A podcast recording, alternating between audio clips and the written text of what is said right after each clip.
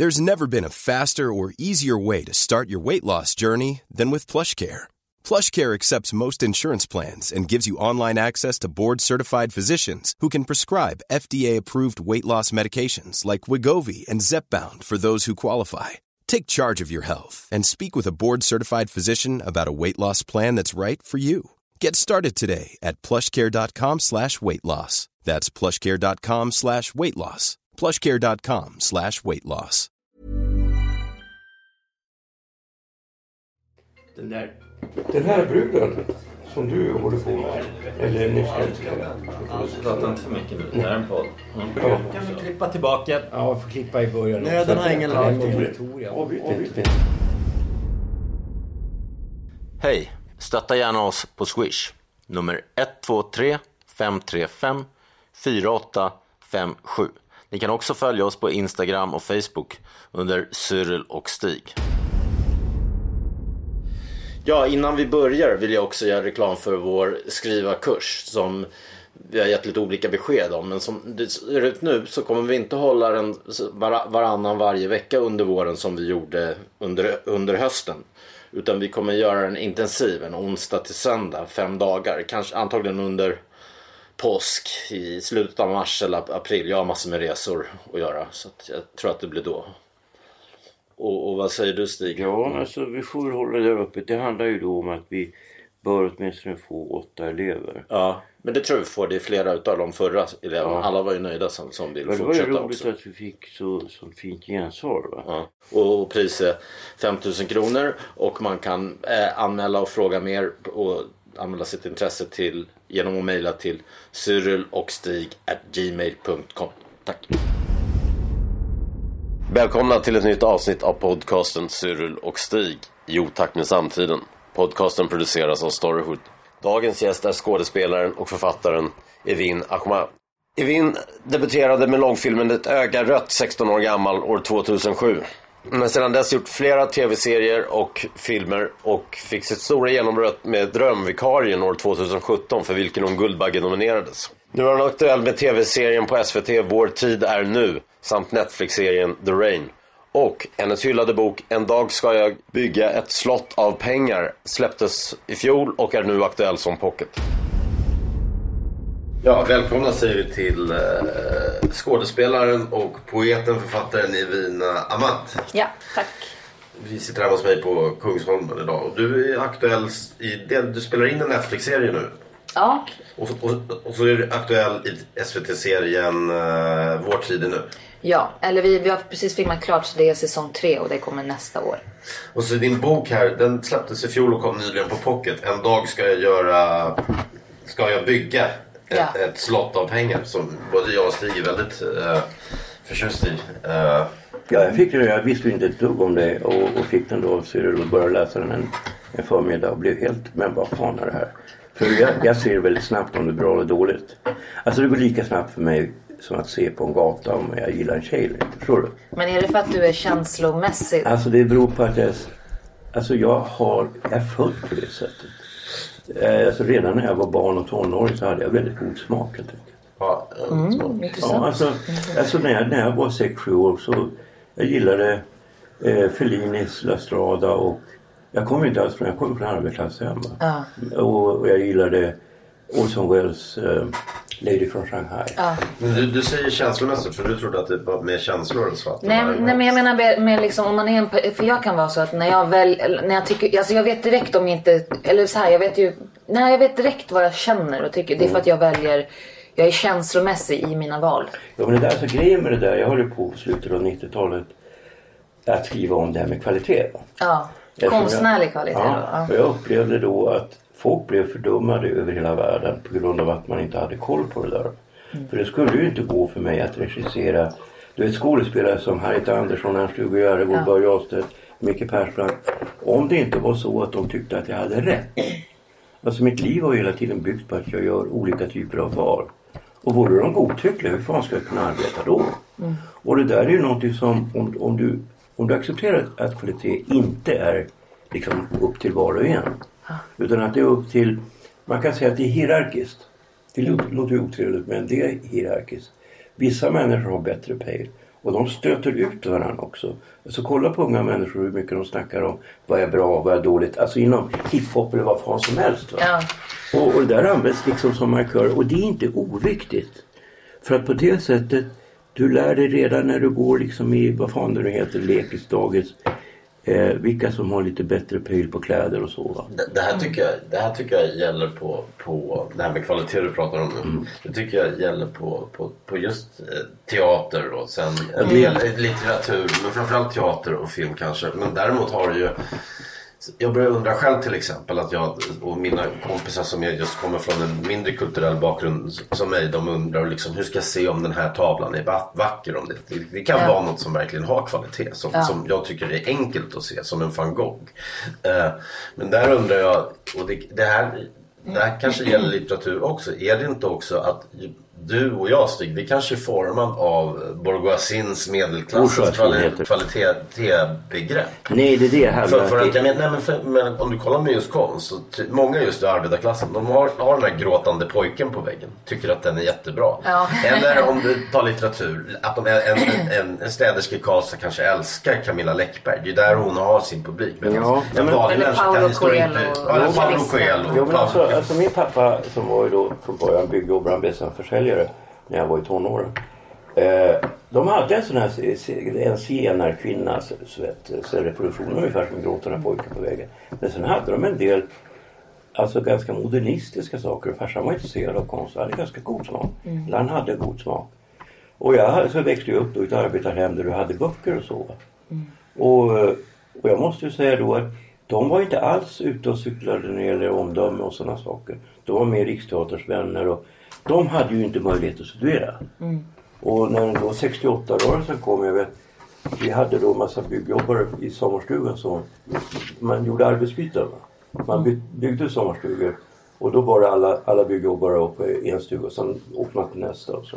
Men jag vet att. Och då, och då var det 68 grejer när, när studenterna gjorde uppror. Va? Ja. Och då var ju de här arbetena de var så jävla sneda. Alltså här får de studera. Och sen ska de protestera. Alltså de uppfattar ju inte dem som vänster utan som, alltså, som verkliga borgarungar. Va? Men, Nej. men, men menar du då liksom att, att det finns, alltså att, att konstnärlig kvalitet är ett faktum? Det är ett faktum. Och när jag testade på... Alltså jag tog då Strindbergs, du vet, hans ganska abstrakta målningar va. Och visade utan att säga att det var Strindberg för människor som var busschaufförer och du vet byggjobbare och allt möjligt sånt där. Eh, eh, vad heter det, kassörskor. Som det här är ju en fantastisk målning. Och de såg det på en gång. I Frankrikes största konstlexikon står det inom parentes Strindberg var också författare. Ja, det- Han är fortfarande än idag den, den konstnär som har gått högst utav alla svenskar. Ja och han blev faktiskt, alltså du kunde köpa Strindbergs målningar så sent som på sex, tidigt 60-tal. Ja, min pappa hade en skulptur, en gipsskulptur av Strindberg som hans städerska snodde. Oj! Och han upptäckte det för sent så att vi, vi, vi har inte kunnat liksom Nej göra men anspråk alltså, på det. de gick för 5-6 tusen. Men har ni sett Nelson Mandelas, eh, de här teckningarna eller vad det är? Nej. Det har ju kommit Det har fram. bara att- gjorts Bush har jag sett Ja, nej, men det har kommit fram nu att man har hittat, åh han var, ju- han var ju en stor konstnär också. Eller de, de, de har blivit ganska hyllade men jag tycker ju de är ju frukt, alltså det är, det är ju inte alls fint. Eller det är, det är väldigt, men då blir man så okej är det för att det är Nelson Mandela? Är det liksom personen eller är det verket? Är det personen bakom verket? Men jag tycker det är ganska just intressant för att många kan ju oftast också bli provocerade av att prata om just konstnärlig kvalitet. Ja, och jag menar att det är det som ligger bakom alla de här rörelserna. Alltså även om jag tillhörde vänstern och fortfarande tillhör vänstern så upplevde jag redan då när jag var alltså 15 år ungefär. Gick med i FNL-rörelsen först. Sen var jag med i säga, stalinistisk organisation. Men så uppfattade jag, jag hade samma syn på konst som jag har idag. Och jag uppfattade att väldigt mycket av energin som fanns hos dem det gick ut på att här, här har du för första gå- gången Alltså deras föräldrar hade inte den möjligheten. Du har möjlighet att göra vad fan du vill av ditt liv. Det är upp till dig. Det är jävla stress att överleva. Men är det så att allting är godtyckligt. Det handlar om politik, det handlar om eh, manligt, kvinnligt, det handlar om arbetare mot borgare, vad fan som helst. Då är det ju liksom skitsamma. Eller hur? Och, och, och de hade ju någonting att skylla på då. Och, och i Sverige hade vi ingen Berlinmur att skylla på. Nej precis. Därför är vi alla väldigt engagerade i kvinnolitteratur, arbetarlitteratur, Ja. ungdomslitteratur. Sådär. Nej, men jag, jag vet ju själv att, sen vet jag inte om jag skriver så bildat. De är ju ganska, det är ju ganska mycket gator de två böckerna, Men de, de populäraste böckerna på, på fängelseanstalter i Sverige, båda de är mina. Den ena är Spelet är spelet med Leo och den andra är mitt mörka hjärta. Och i skolorna så är min och Leo spelet är spelet. Men det har ju med Kartellen att göra såklart också. Ja, den är det- populärast efter, efter Zlatans. Jag kan tänka mig din också kommer gå hem i skolan. För det är ju ändå så det här, det är bra grejer som även folk från en annan kulturell bakgrund. Ja, jag fick, jag fick ju en massa brev från dem. De, har- den, de har läst den på, i Tumba gymnasium och så har jag fått massa brev. Ja, Där har jag undervisat för 20 Ja, år sedan. ja, kul. För då fick jag massa brev av olika människor. Alltså liksom, det är det som har varit så kul. Att det, det, för folk har varit så, vad är, vad är det för målgrupp? Och jag gillar inte att tänka målgrupp. Jag kan inte, jag kan inte bestämma vem min målgrupp ska... Eller jag tycker det är ointressant med just målgrupp. Eh, men där fick jag jättemycket, alltså jättefina kommentarer. De var liksom så här, Åh, vi, vi hatar alltid när läraren säger att vi ska läsa en bok. Men det var så fort vi öppnade den så var det så här, åh, att de kände igen sig och att de gillade språket och att det var... Så jag blev, jag blev verkligen jätte, jätteglad. Um, men Jag, jag, jag tänkte på, för, bara för att beskriva också för lyssnaren liksom, hur den är uppbyggd. För man, man skulle ju kunna, det är en roman fast någon, någon prosa, på, eller också en dikt eller vad man ska säga. Jag tycker, jag, Ja. jag skulle jag jämföra med något i uppbyggnad så skulle jag jämföra, ja min egen vill inte stiga att jag tar upp, jag gillar den. Den är hemsk. Ja men vänta lyssna. Okej men på din bok. Jag, jag tänker lite på Märta Tikkanen eh, och Eva-Britt Brattströms senaste. Det här att du bygger upp en berättelse på, på något, något, något eh, diktmässigt sätt. Liksom. ja. Är som poem. Hade du läst Märta Tikkanen? Eller något? Nej, det har jag faktiskt inte gjort. Men alltså det var ju ett väldigt, i och med att jag inte, jag är ingen skolad författare. Jag, jag skulle inte heller kalla mig själv författare för att jag tycker inte att man är författare bara för att man har skrivit en bok. Eh, och jag har väldigt stor respekt för hantverket och, och så. Men, men, men jag sa det ganska tidigt till min förläggare att om, om du tänker dig att jag ska skriva en så här klassisk roman så kommer jag inte göra det. Utan det enda sättet är att vi gör det här på mitt sätt och då kommer det vara på mitt sätt liksom. Och det var ju det som var det största arbetet. Att försöka hitta den röda tråden och, och försöka liksom veta vilken text kommer vart. Eh, och, eh, och strykningar liksom. Eh, för det, är, jag, det är ju som en sorts berättelse. Va? Ja, men Ja. låt henne berätta färdigt. Ja. för att jag, jag, jag ville liksom inte, och, och, och, jag ville verkligen inte vara en, att jag skulle liksom förklara allting. Jag tänkte så här, jag var helt fine med att att vissa kommer öppna den här boken och bara va, fattar ingenting eller "Va, nu hoppade vi där och hoppade vi si och det var liksom ett medvetet val. Eh, just för att jag ville ändå på något sätt att, att, att eh, mottagaren skulle få bygga en berättelse själv också. Att kunna få liksom lägga ho- ihop olika pussel och så. Så jag var ganska orädd i den här processen. Kanske för att jag inte är så en författare. Din bror sa till mig att du hade skrivit den egentligen för 4-5 år sedan. Är det så? Ja, den, den har ju hållit på. Jag har hållit på och skrivit den liksom väldigt länge. Eh, och jag har inte liksom, jag sa inte det till någon. Men jag skrev den också på min mobil. Oj! Ja. Första mobil, riktigt bra mobil, mobilboken. Ja, så att det, det är också det som de, de här ungdomarna i Tumba också blivit fascinerade av. Att så här, aha, för det, det, det, jag försöker tänka så här, men vad är det med den metoden som gör att jag kan göra? För att jag kan inte sätta mig ner på en dator och skriva. Och jag kan inte sk- alltså skriva för hand för att jag har för mycket ADHD. Alltså det, blir för, det tar för lång tid. Och då är liksom mobilen det, är det, bästa, det bästa för mig för att jag kan bara ta upp den här nu och skriva tre meningar. Och, Nej, jag gör ju anteckningar i Ja, mobilen precis, hela tiden. Men, men, men det, och visst, jag har gjort vissa grejer som, som jag använder i böcker. Men det är ju mer att när jag kommer på något, jag en liten anteckning. Jag skulle inte Ja. komma på att skriva någon hel... Jo, jag gjorde en dikt till Olle Ljungström när han dog till hans begravning. Så Ja. Mm. gjorde jag i, i mobilen, just på tåget ner. Men Men det, handlar, det handlar väl att man kommer bort ifrån den här respekten. Precis. Alltså många, många blir förhindrade bara av det faktum här ska jag börja skriva en bok. Så, alltså, så är det ju för mig också. Ja. Alltså efter 40 år. Va? Och hur ska den, hur ska den börja? Bara sådär va. Alltså, eh, och då måste man på något sätt hitta ett sätt att kringgå, lura sig själv. Va? Ja, jag är väldigt inspirerad av Elfriede Jelinek. Alltså hennes vad ska jag säga, metod, men alltså hennes typ hänsynslöshet. Alltså hon är bara så här, hon bara sätter sig ner, bara skriver. Alltså, det känns som att hon bara liksom, hon bara gör. Och så varenda tanke som dyker upp. Alltså det, jag vet inte, jag tycker bara det är ganska häftigt. Alltså hennes inställning till skrivandet och typ ja, men det, det känns så här ganska nice typ. Mm. Jack Hildensk som vi hade här i podden för något år sedan eh, skrev i Aftonbladet förra veckan tror jag om jag kommer inte ihåg vilken författare det var men jag kan tänka mig att det var någon sån här typ som Jan Guillou eller någon som hade sagt att skriva ett seriöst jobb så du måste typ klä på dig, duscha, sätta på dig fina kläder innan du sätter ner och skriva. Han hade gjort ju, han menade tvärtom att det hjälpte än att man sitter sådär som du. Jag sitter också och skriver i sängen och sådana där grejer Nej, liksom. men det finns ju olika metoder för, för olika människor. Jag vet, jag pratade med just Jan Guillou om det där. Vi känner liksom varandra. Och vi är ju helt olika varandra Men jag kan respektera honom och jag tror han kan respektera mig. Men han började ju då, eller tidigare, inte nu, men förut hade han att han skulle skriva eh, mellan vissa klockslag eller om det var x antal sidor. Jag tror att det var vissa klockslag. Och då, då slutade han mitt i en mening. Och då var det liksom ganska lätt för honom att liksom fortsätta nästa dag. Ja, du? ja, jag fattar. Men jag tycker inte, alltså metoden, alltså jag tycker inte man ska liksom värdesätta metoden som, alltså olika, jag, jag, när jag gick på scenskolan så finns, fanns det ju de som hade anteckningsblock och de som inte hade anteckningsblock. Jag är inte en person som har anteckningsblock och jag tror att vid första anseendet så kanske man tänker att ja, men hon är lite lallig och hon kommer in och hon bara liksom så. Men, men samtidigt, mitt, mitt arbete, eller min metod handlar om att vara 100% närvarande. Och det är därifrån liksom, och att kunna vara närvarande och sårbar och alla de här liksom, det som är det, alltså vad ska man säga, em- emotionell intelligens. Det tar ju jättemycket en ener- energi men det, det uppfattas inte som intellektuellt eller intelligens liksom så, på så sätt. Eller inte, det är ju intelligent men det uppfattas inte som intellektuellt att man är liksom en seriös person. Eh, och det går, det, jag tycker inte liksom det finns sådana, eh, alltså finns inga specifika metoder. Om, om, om den här människan vill gå upp och ta på sig en kostym, ja, men visst gör det liksom. Men, Jo, men, nej, men jag, jag uppfattar att när det gäller skådespelare så det finns många olika typer av personer som är skådespelare och det ska du som regissör inte lägga i så jävla nej, mycket. verkligen inte. Utan du får låta dem, men det, det viktiga är att haja vem som är vem.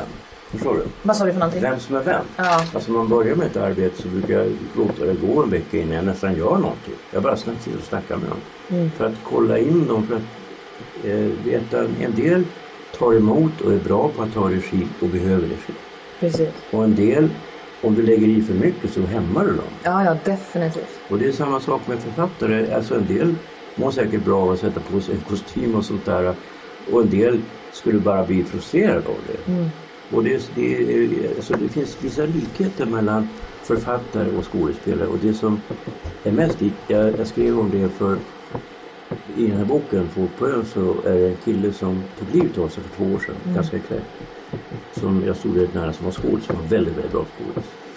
Det är en av de bästa manliga skådisarna runt 40 i Sverige. Och han, eh, jag visste inte ens om att han var deprimerad, det kommit som en chock. När jag skrev om det så skrev jag då alltså den här utsattheten som du har som skådespelare och som författare. Du kan inte skylla på någonting.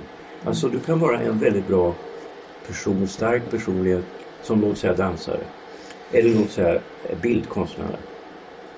Eh, men som författare och som skådespelare döms du som människa. Alltså när du står på en scen så är det fan i mig du som står där. Det förstod inte jag riktigt. Alltså även om jag hade jobbat som regissör. Jag gjorde en roll då, eh, Torsten Flinks genombrottspjäs. Eh, på, på Dramaten. Det var ju väldigt dumdristigt att göra en huvudroll på Dramaten. Ja. Men det blev väldigt bra. Men då fattade jag Alltså, jag hade svårt för skådespelare som inte ville gå in i sina roller. Mm. Fan, här har jag skrivit en roll. Du ska ju gå in i den, det är fan ditt jobb. Ja, Men jag förstod inte att det är faktiskt så att jag måste ju stå för det här också. ja. Och är det någonting som är då väldigt kränkande på något sätt va? så är det inte så jävla lätt att, att gå in i det. Va? Och, och jag fick en annan förståelse för det efter, det här var 1993, det är länge sedan nu. Eh, efter det men, men jag upplever nog att, för du talar ju bara när det gäller skådespelare så talar du om stjärnskådespelare. Vad beror det på? Jo, därför att det är faktiskt ett rent faktum att om du spelar ihop med någon annan som är bättre än vad du är. Så blir det bättre. Nej, så Nej. kan den personen, alltså vi tänker oss att det är en ren fight. Ungefär som att olika människor är olika bra på att slåss. Ja, här, den personen kan spela bort det. Förstår du? Alltså om, det, om ni tycker illa om varandra. Alltså vara, kan vara taskig mot dig och göra Ja, ner verkligen. dig. verkligen. Och, och då handlar det om att då ska du kunna svara tillbaka. Mm. Alltså skådespelare är egentligen den enda konstformen där det står på, där det är så blottlagt. Va? Mm. Den personliga styrkan. Men man kan säga att författare är samma sak. Vad fan skrev du så för? Varför skrev du inte så? Alltså det liknar så mycket tankar. Mm. Alltså skriften är ju så lik tankar och när du läser en bok så, så läser du någon annans sätt att tänka istället för att tänka själv. Ja, ja, Så det är ett jävla övergrepp. Och du vet i Grekland var det ju så att, att när man började med skriftspråk och så, de som var, inte var, de som var fria, de lä, läste inte själv. De lät slavar läsa. Högt för dem. För de, de uppfattade det som ett övergrepp. Och eh, det var den första som läste tyst, som man vet om läste tyst, det var på 300-talet efter Kristus. Ja. Ambrosius. Eh, för Augustinus skriver om det. Att han läste och det hördes ingenting när han läste. Förstår du? Ja. Man läste ändå högt. Va? Och, och då fattar man vilket jävla övergrepp det är att skriva böcker. Och idag tycker vi att det är liksom... Men, men det finns där ändå. Du underkastar en annan människa när du läser. Eh, en annan människas sätt att tänka. Eh, Jag skulle vilja prata mer om Evins bok. Eh, Vi hade ju Alexander Salzberg här för, för, för ganska exakt ett år sedan. Som också är Ja. skådespelare och författare. Precis som du. Och Ja. han är också från förorten med, med Vällingby. Du är från Akalla va? Från Akalla, blåa linjen. Eh, Så jag tycker att eh, det finns ett släktskap där mellan era två böcker. För- Har du läst Alexander Stigs? Nej. Nej, nej men, men vi pratade om det i podden Mm. också tror jag. Det, det, det är med både hans bok och det, hans bok var ju mer lik min det där Mitt mörka hjärta. Att det är mycket missbruk och, och, och, och, ja. och sånt med den. Men däremot ett som hela tiden kommer tillbaka det är hur han då som invandrarkille kommer till stan och går Mm. teatergymnasium i stan och sen scenskolan ännu värre hur han då vill passa in där bland dem. Mm. Och medan sättet han klär sig på som dem när han kommer tillbaks till förorten. De blivit en bög. Och Ja, liksom. ja. Men sen också det här, tror inte att du är finare än vad det är. Kommer det där, den här jantetänkandet som Mm. även finns ju bland, det, det finns ju bland alla, inte bara svenskar. Och, Mm. Men även där att de ser på honom konstigt och det här att han inte kan passa in någonstans. Eh, det, det tyckte jag jag kände igen från, från din också. Ja, alltså det... Jo, där, jag kan ta Vill du eh, ha mjölk i Ja, kaffe? Vill du ha mjölk i kaffe? Ja, gärna. Ja. Du har några askkoppar? Ja. Det gör ingenting med röken. Nej, nej, absolut inte. Vad heter det? Jo, men alltså det var ju det som jag också ville utforska på något sätt. Och jag, alltså det här är ju, alltså identitet och människan, alltså det, det har ju gjorts tusentals böcker förmodligen kring det här. Men jag, det jag ville var, jag ville försöka vara så genuin och ärlig som möjligt när det kom till just det här och inte, för det är ju också en ganska stor risk att sitta och prata om det här när man själv... För den här boken kom ju ut... Ja, när fan kom den ut? Jag höll ju på att skriva den samtidigt som jag gick scenskolan. Ja. Och nu när den kom ut, alltså jag kan ju inte säga att... Alltså jag vet inte om... Jag skulle inte säga att det är en kritik. Utan det var bara min... Det, det var ju bara min sanning och mina upplevelser utifrån den här utbildningen och min resa såklart. Men eh, det, det är klart att alltså, frågor om identitet och rörelse och resa det är ju alltid liksom på något sätt relevant tänker jag. I alla fall från, från en ung människas perspektiv. Som kommer från arbetarklassen och, och kommer liksom in i kultur-Sverige. Som, som är så ganska alltså, eh, klassegregerad. When you make decisions for your company, you look for the no brainers. And if you have a lot of mailing to do, stamps.com is the ultimate no brainer. It streamlines your processes to make your business more efficient, which makes you less busy. Mail checks, invoices, legal documents, and everything you need to keep your business running with stamps.com. Seamlessly connect with every major marketplace and shopping cart. Schedule package pickups and see your cheapest and fastest shipping options from different carriers with rates up to 89% off USPS and UPS rates. And with the stamps.com mobile app, you can take care of mailing and shipping wherever you are. Make the same no-brainer decision as over 1 million other businesses with stamps.com. Sign up with code program for a 4-week trial plus free postage and a free digital scale. No long-term commitments or contracts. That's stamps.com. Code program. Ju ganska svårt att komma in om du inte kommer in. Jag, jag, tänkte, vänta, jag tänkte bara läsa ett, ett, ett, ett, ett kort stycke här som, som jag gillade. Ja. Men som mina vänner inte gillade. Särskilt inte de som var invandrade kulturtjejer gillade det. Jag hade aldrig hört talas om genusvetenskap innan jag började på scenskolan. Feminism, genus, transperson, cisman, hen. Tjejer med hår under armarna, på benen och på fittan. Ni fattar inte nervositeten när jag satt där bland alla som var så jävla politiskt korrekta. Det här genussnacket. Jag förstod liksom inte deras kamp. Vad hade dessa svennebrudar för problem med att vara förtryckta? Jag kände brudar som knappt fick vara ute efter klockan sju för att deras farsa och brorsor stod vid dörren och väntade på dem. Men nu satt jag i det här rummet med en massa svennar som sa vad som var rätt och fel. Jag som använde ordet fittan till nästan allt. När jag är glad, när jag är ledsen, när jag är arg. Ja, allt. när jag, inte, när jag, våg, jag vågade inte öppna käften. Vad jag än sa skulle det kunna vara fel. Men det hände någonting under de här debatt, debatterna. Plötsligt så öppnades så många dörrar. En, helt, en hel värld synliggjordes och jag insåg hur fucked up allting var faktiskt var.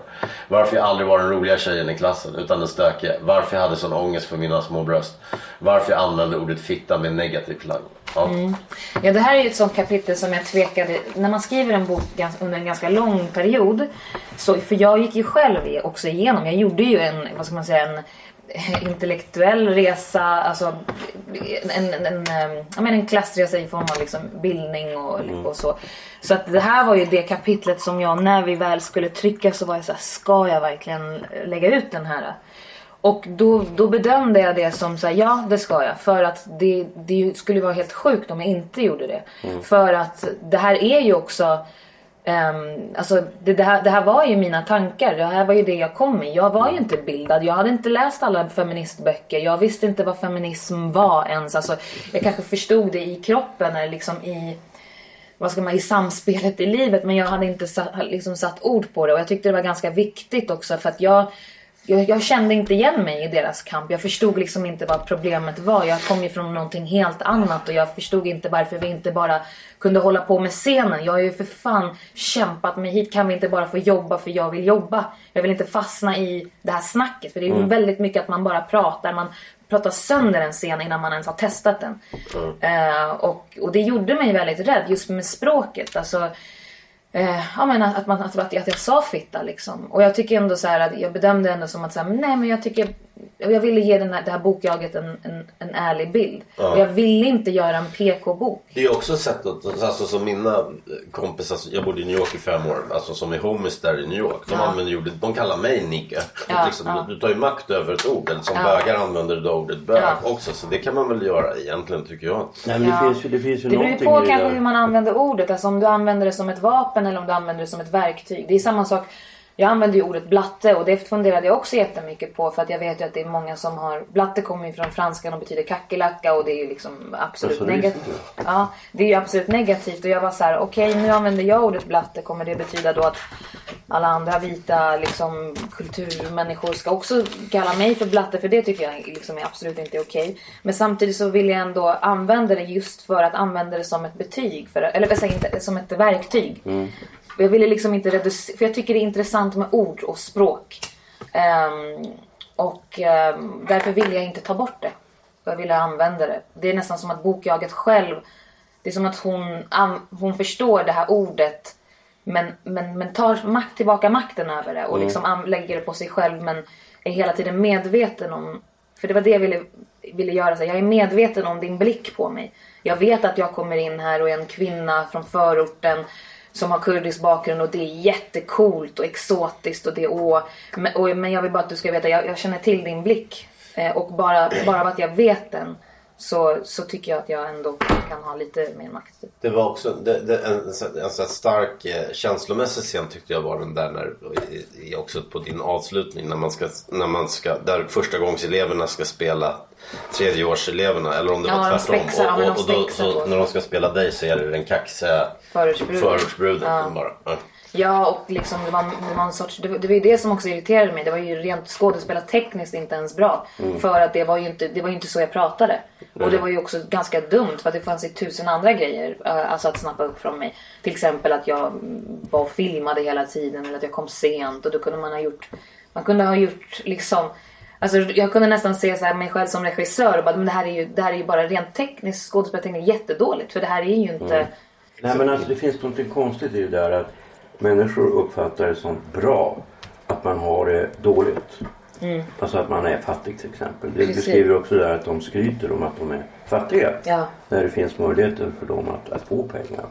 Och att man i förorten definitivt, man försöker se så rik ut som man kan. Va? Precis. Och det är, ju Alltså- ditt, det är ju titeln på hela din bok. Att, Ja, du, att ja. du vill tjäna pengar också. Ja. Du har den drivkraften. Det är som min kompis Leo där i Kartellen. Hans drivkraft har ju aldrig varit missbruk eller brott egentligen. Det var ju pengar. Liksom. Och det hade vi problem med förlagen. De bara, men ni måste göra det mänskligare på något sätt. Varför hans drivkraft är pengar? De kan aldrig sätta sig in hur det är att växa så upp i en favela i, i Valparaiso. Ja. Liksom. och sen Men- kom ja, han men till alltså, Jordbro. Ja. Man kan ju säga att efter 60-talet och 60 och 70-talet. Jag tillhör kan man säga den första generationen. Alltså det vanliga svenska, arbetarsvenska. Ja. Så där det var möjligt att överhuvudtaget göra vad som helst. Det är inte riktigt lika möjligt idag. Nej. Alltså det har blivit hårdare idag om du jämför. Eh, jag är född 1955. Så jag gick ut eh, gymnasiet 1974. va. Och då var det då, då, alltså jag, bestämde mig för att jag skulle bli filmregissör eller författare eller något sånt där. Va? Ja. Och det tog jag som liksom för givet för jag var väldigt smart och jag var väldigt duktig i skolan utan att läsa och utan att plugga. Jag tänkte att jag kan göra vad fan som helst. Och, och det där är någonting som, det innebar ju naturligtvis att jag var väldigt, väldigt fattig ibland. Va? Men jag kunde ju också göra precis vad jag ville. Va? Alltså jag kunde arbeta med det jag ville. Va? Och det kunde i princip nästan alla som tillhör den generation som jag gör. Men sen har jag ekonomin. Den här, den här, ekonomi är väldigt konstigt därför att i vissa avseenden har vi fått det bättre. Maten är bättre till exempel. Men i vissa avseenden har det blivit svårare, svårare att få jobb och, och liksom kunna ha okej betalt. Va? Ja. Och eh, kulturvärlden har blivit mycket mer stängd. Va? Absolut. Alltså, eh, och det beror helt enkelt på att det är ännu fler människor som vill arbeta med. Va? Ja. Så konkurrensen är stor och från början var det faktiskt så att för invandrare var det ännu svårare än vad det Mm. blev sen. Jag vet ju att de Ja, de hade... blev bortgallrade på ett annat sätt. Ja, jag vet ju. Jag Mina kompisar som var då kom från Jakobsberg och så här, va. Eh, som sökte då eh, regilinjen. Ja. Eh, De blev ju alltså, läraren där blev ju rädd för dem. Ja, det är Så de tyckte det var otäckt. Oj, Ja. oj, oj. Och de kom inte in då. Och, och det var faktiskt, det tog väldigt lång tid. I Danmark så hade de tagit in många invandrare då därför att de hade en, annan drivkraft. Va? I Danmark? Ja. ja men det tycker jag man märker också idag på Ja. dansk alltså, Om man tittar på Al- Ali Abbasi som liksom går och vinner Cannes nu. Ja, gräns. Vi hade hans manusförfattare Isabella Ja, ja, Ekberg ja. i förra, förra podden. Ja, ja, så jävla ballt. Och det är så här, ja det känns som att danskarna tänkte, ja, Ja men det var ju redan, redan då, alltså nu snackar vi tidigt 90-tal va? Ja, Så hade de ju då börjat Ja, vi Pusher och Trier och Ja. alla Ja, filmerna exakt. som kom. Ja. Men alltså då i Sverige så var det inte en enda invandrare som hade kommit in. Va? nej. Och det där berodde på att de helt enkelt, fast de var vänster, så var de liksom rasister. Ja, gud du? ja. Innan fick ju man, i alla fall manliga invandrare, jag känner ju mest manliga invandrare, de fick ju då spela antingen moren i Otello eller så gjorde de eh, i invandrarperspektiv av Fröken Julie eller så fick de spela i Väntan på Godot, Ja, man, spela kan ju inte, man kan inte skriva om Shakespeare helt och hållet. Va? Nej. Alltså, man kan inte, alltså världsdramatiken ser ut på ett visst sätt. Va? Ja. Och, och det, är fan, det är ju samma sak med kvinnoroller. Va? Alltså om du tar Shakespeare är det nästan bara män i, i, i pjäserna. Ja, och det, ja men precis. Och de framfördes ju också, de kvinnliga rollerna framfördes ju också- också av män då på hans tid. Ja. Ehm, Så att det, nej, Det- men alltså, nej, men däremot jag vet ju när Alejandro Leiva Wenger Ja. kom ut med Till vår ära. Mm. Det var 2001. Så då ringde han mig, han var på någon Söderkrog på Pelikan tror jag. Eh, och eh, frågade mig om, om för han, han litade på mitt omdöme för han vet att jag är så hård. Va? Ja, ja. Han ville snacka med mig. Han, han, stod, han står så här. Eh, eh, har fått bra kritik bara för att jag är invandrare. Och då sa han, nej du är bra faktiskt. Det här är skitbra. Jag hade läst boken.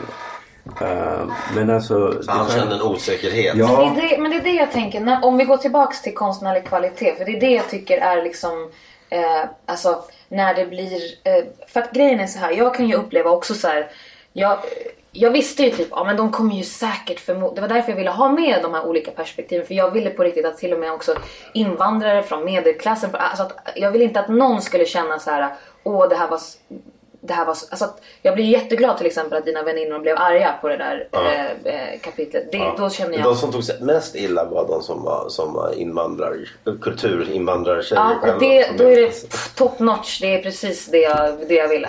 Alltså för att jag inte ville. Jag är ju en individ, jag är en människa och på det, bara för att vi har kommer från samma plats eller har samma utseende så betyder det förutsätter inte att vi är samma, samma typ. Eh, och samma människa. Och oftast också de som är inom liksom, kulturetablissemanget kommer också oftast från en medelklass. Och ja, för mig var det väldigt viktigt att det här är ingen invandrarbok, det här är en klassbok. Eh, och sen så råkar liksom mina föräldrar ha liksom ett annat eh, etnisk bakgrund. Men det som blir med oss som kommer från kanske minoriteter är att man förutsätter inte att det finns en konstnärlig agenda eller en, alltså en tanke utan vi har bara suttit ja, jag har liksom bara suttit och bara skrivit lite så här lojt och så blev det liksom en jättebra bok. Det, det, folk ser inte tekniken bakom det, de ser inte strykningar, de ser inte arbetet. För att personer som mig, Alejandro eller eh, Alexander Salisbury, vi bara är lite sköna. Och det, det är därför det har varit jätteviktigt för mig att faktiskt ha min scenskoleutbildning och också referera jättemycket till teknik och, och, och konstnärlig kvalitet för att jag vill också äga det begreppet, jag vill också äga liksom det, det, det uttrycket. För att jag vet att jag man kan ju berätta hur många berättelser som helst om klass och invandrare men det handlar inte om vad, det handlar om hur.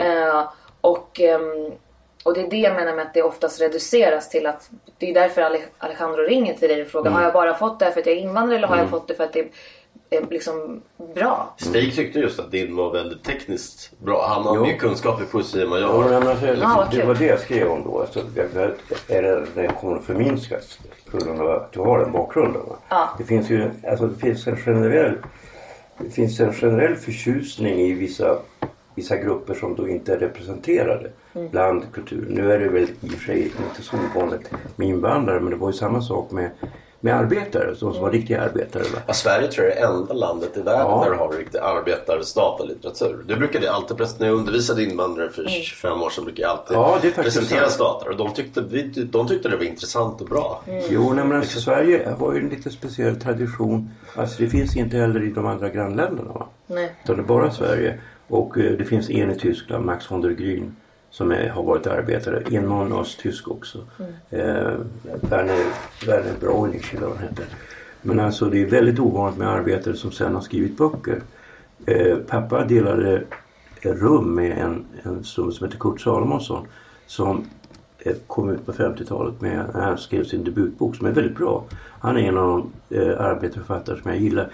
Annars tycker jag väldigt många av de här arbetarförfattarna är väldigt Det finns överskattade. en som är- var riktigt bra. Min pappa var ju vän med, med Jan Fridegård så jag Ja, ägde det. originalmanuset men sålde det till Uppsala universitet. De var helt chockade att någon ville ha pengar för det. Men det var skrivet i en motbok så då tyckte jag det var så pass unikt. Men det är en av mina största upplevelser, Lars Jo. Hård, Jan Fridegård. Jo, Men han- följde den- ni debatten med Yahya Hassan? Har ni läst hans diktsamling? Ja, Ja, ja, ja, vi, vi, ska, vi ska faktiskt spela in podd med honom men han sitter inlåst. Vi känner Sitter han på, alltså, han sitter jag, har inlåst. alltså jag, jag, jag ska säga det att jag står inte bakom allt som han har gjort och så men det behöver jag inte. Men han sitter på jag isolering nu, så han jag tycker ju han är, när hans bok kom, när jag läste hans diktsamling då Någonting hände, jag bara, alltså det är bara, nu vet jag inte vad ni känner, vad ni tycker om Nej, vi Men det bara, det. vi, alltså det var bara så wow. Alltså jag blir sällan starstruck men jag, blir ju, jag blev otroligt starstruck och det är så här, och då, det var ju en debatt också kring det. Det var liksom flera olika typ, alltså kulturprofiler med invandrarbakgrund där det var, någon var för, någon var emot. Och det var bara så intressant. Jag var så fascinerad över att, att den här människan inte fick bara vara... Alltså det blev så stor Ja, hysteri. han, han, är, alltså, han är ju palestinier. Jag är judisk men jag kunde ändå känna igen mig totalt. Jag, hade Totalt. också, jag hade också samma bakgrund att jag hade sex med mina övervakare och sådana Ja, där grejer liksom som det här med religion Så jag, jag bara, och- det här är min historia han berättar kände jag. Fast han är palestinier. och, och det var så intressant bara hur, jag tycker bara det är så intressant det han har, han har gjort och han är liksom en av han är Danmarks mest sålda diktsamling. Alltså, I Skandinavien. I, i, i, ska- är det så? I jag Skandinavien? tror bara i Danmark sålde den 150 000. Och det är liksom hur han, alltså jag tycker han är så, jag tycker han är jättefascinerande som, som Jo. jag vet inte om han är provokatör eller vad han är liksom. Han ska, han ska väl ta det lite, han, han, han ska väl dock ta det lite försiktigt med eldvapen när han har psykoser. Ja men det ska han nog, eh, nog göra. Men jag tycker bara det var, det var så intressant i alla fall hur debatten kring honom var. Och hur det var liksom, det blev jobbigt för folk för att han inte, för han sparkade inte uppåt utan han sparkade åt alla håll. Eh, det var liksom inte, det var ingen på något sätt som kom undan och han beskriver hyckleri och han pratar om liksom hur han kommer in till moskén och, och där man pratar om Gud och hit och dit och sen så sitter de och runkar till porrfilmer. Alltså det var liksom det, det, hyckleri, alltså det, det är det jag saknar. Jag är så trött på att, för att ofta som minoriteter, som kvinnor eller som ja, invandrare och arbetarklass, då är det också alltid de här, det, det är liksom hjälteporträtter som ska visas. För att det, det är så här, åh, titt, åh vad, vad fint att hon tog sig in i scens, på scenskålen. Åh, för det, det märker jag att alla vill oftast, eller journalister vill oftast måla upp, inte längre för jag har sagt ifrån, men de vill verkligen måla upp den här sagan och offret. Liksom, åh du kom hit, du tog dig in i guldfoajén. Ja, fast jag, jag gjorde min första långfilm när jag var 15 och så har jag pluggat och jag har liksom läst och jag har gjort ett stort jävla arbete. Så att så mycket offer är jag inte, alltså liksom på det sättet. Nej, men eh, en fråga på det här stycket jag läste i boken om feminism och sånt där. När du, när du, när du får lära den här svenska synen på genus. Alltså, du, du, är ju, du har en bakgrund som syrisk eh, kurd. Syr, Ja, jag var själv Syrien. och stred med YPG och YPJ där i, i Syrien. Inte, alltså bevaka de som stred och Ah, filmade. Eh, Så jag har ju haft några utav mina mest intellektuella och givande eh, konversationer om feminism och den vettigaste formen av feminism tycker jag som Ja. är far away från den svenska med just kurdiska kvinnor Ja. och kurdiska män som är feminister. De är ju superfeminister. Alltså, sen finns det såklart kulturella eh, liksom, problematik. Men, men det är också det som är så häftigt för att Isis, det, det, deras värsta mardröm är ju att bli mördad av en kvinna. ja. För att då, kommer de in, då får de inte de här, ja, de här grejerna som de förväntar Ja, de var sig. oftast i de plutonerna jag var med och stred, då var de oftast prickskyttar också. För kvinnorna var bäst på, på, på att skjuta skarpt på, på långt avstånd. Och varför de var, för jag var ju också med i en film som porträtterade det här. Och varför det var så, det var ju för att de var lika orädda som I- Isis. Alltså de Ja. var ju inte heller... De De, var ju de galna. Alltså, strida ja, det var liksom... Det, det var inte så här, när man tittar typ på deras upp- uppvärmning, det är inte så här, det är inte många av dem som är utbildade och vet så här, "Åh, nu ska vi göra så. Utan det var typ så här grodhopp och lite armhävningar Mm. och så går de ut och så de är bara helt jävla orädda. Och de, och de kämpar för någonting annat. Alltså det är en annan Mm. Och det sak som är drivkraften. Ofta, ofta innan strid, alltså jag var ju till och med i ren eldstrid 100 meter från Isis. Men oftast Mm. precis innan vi gick in i strid och efter. Då hade, innan var män och kvinnor ganska åtskilda. Vilket jag tyckte var jobbigt för jag ville ju närma mig kvinnorna. mest. Men, men precis innan strid och efter då var det som en fest. Att man åt och drack tillsammans. Alltså inte alkohol men, men te, och te och, och, och bröd och kebab. Och, sen, och efter också. Efter striden. Så då var det som fest mellan män och kvinnorna ihop. Liksom, också, så att, Ja. så att de, det var ungefär som att de hade att, att striden var alltså på liv och död också. Att man slogs för en kamp som var större än... Ja, men Ja, det, det, kurder är ju liksom, alltså om man tittar på, på kurdernas historia så är den ju, den är ju på liv och död liksom. Ja. Men det är så bisarrt att de, alltså man kan jämföra med Polen. Polen hade ju inte ett land under hur lång tid, det borde jag ju kunna, men det var nästan 200 år va? som Polen inte, fast det var en av de folkrikaste nationerna i Europa. Va? Och på samma sätt så är kurderna det största folket som inte har ett land. Nej, precis. Men Stig, jag har en fråga till dig. Eftersom att du, du, du tyckte ju om den här boken och om jag ska gå in i min egen narcissism nu. Vad, vad var det som vad var det som du tyckte om? Nej men jag blev berörd. Alltså, det är så när jag läser en diktsamling som jag tänker som Det handlar framförallt om första dikten och sen den här dikten om den här begravningen. För det blev så konkret. Alltså jag har varit på begravningar.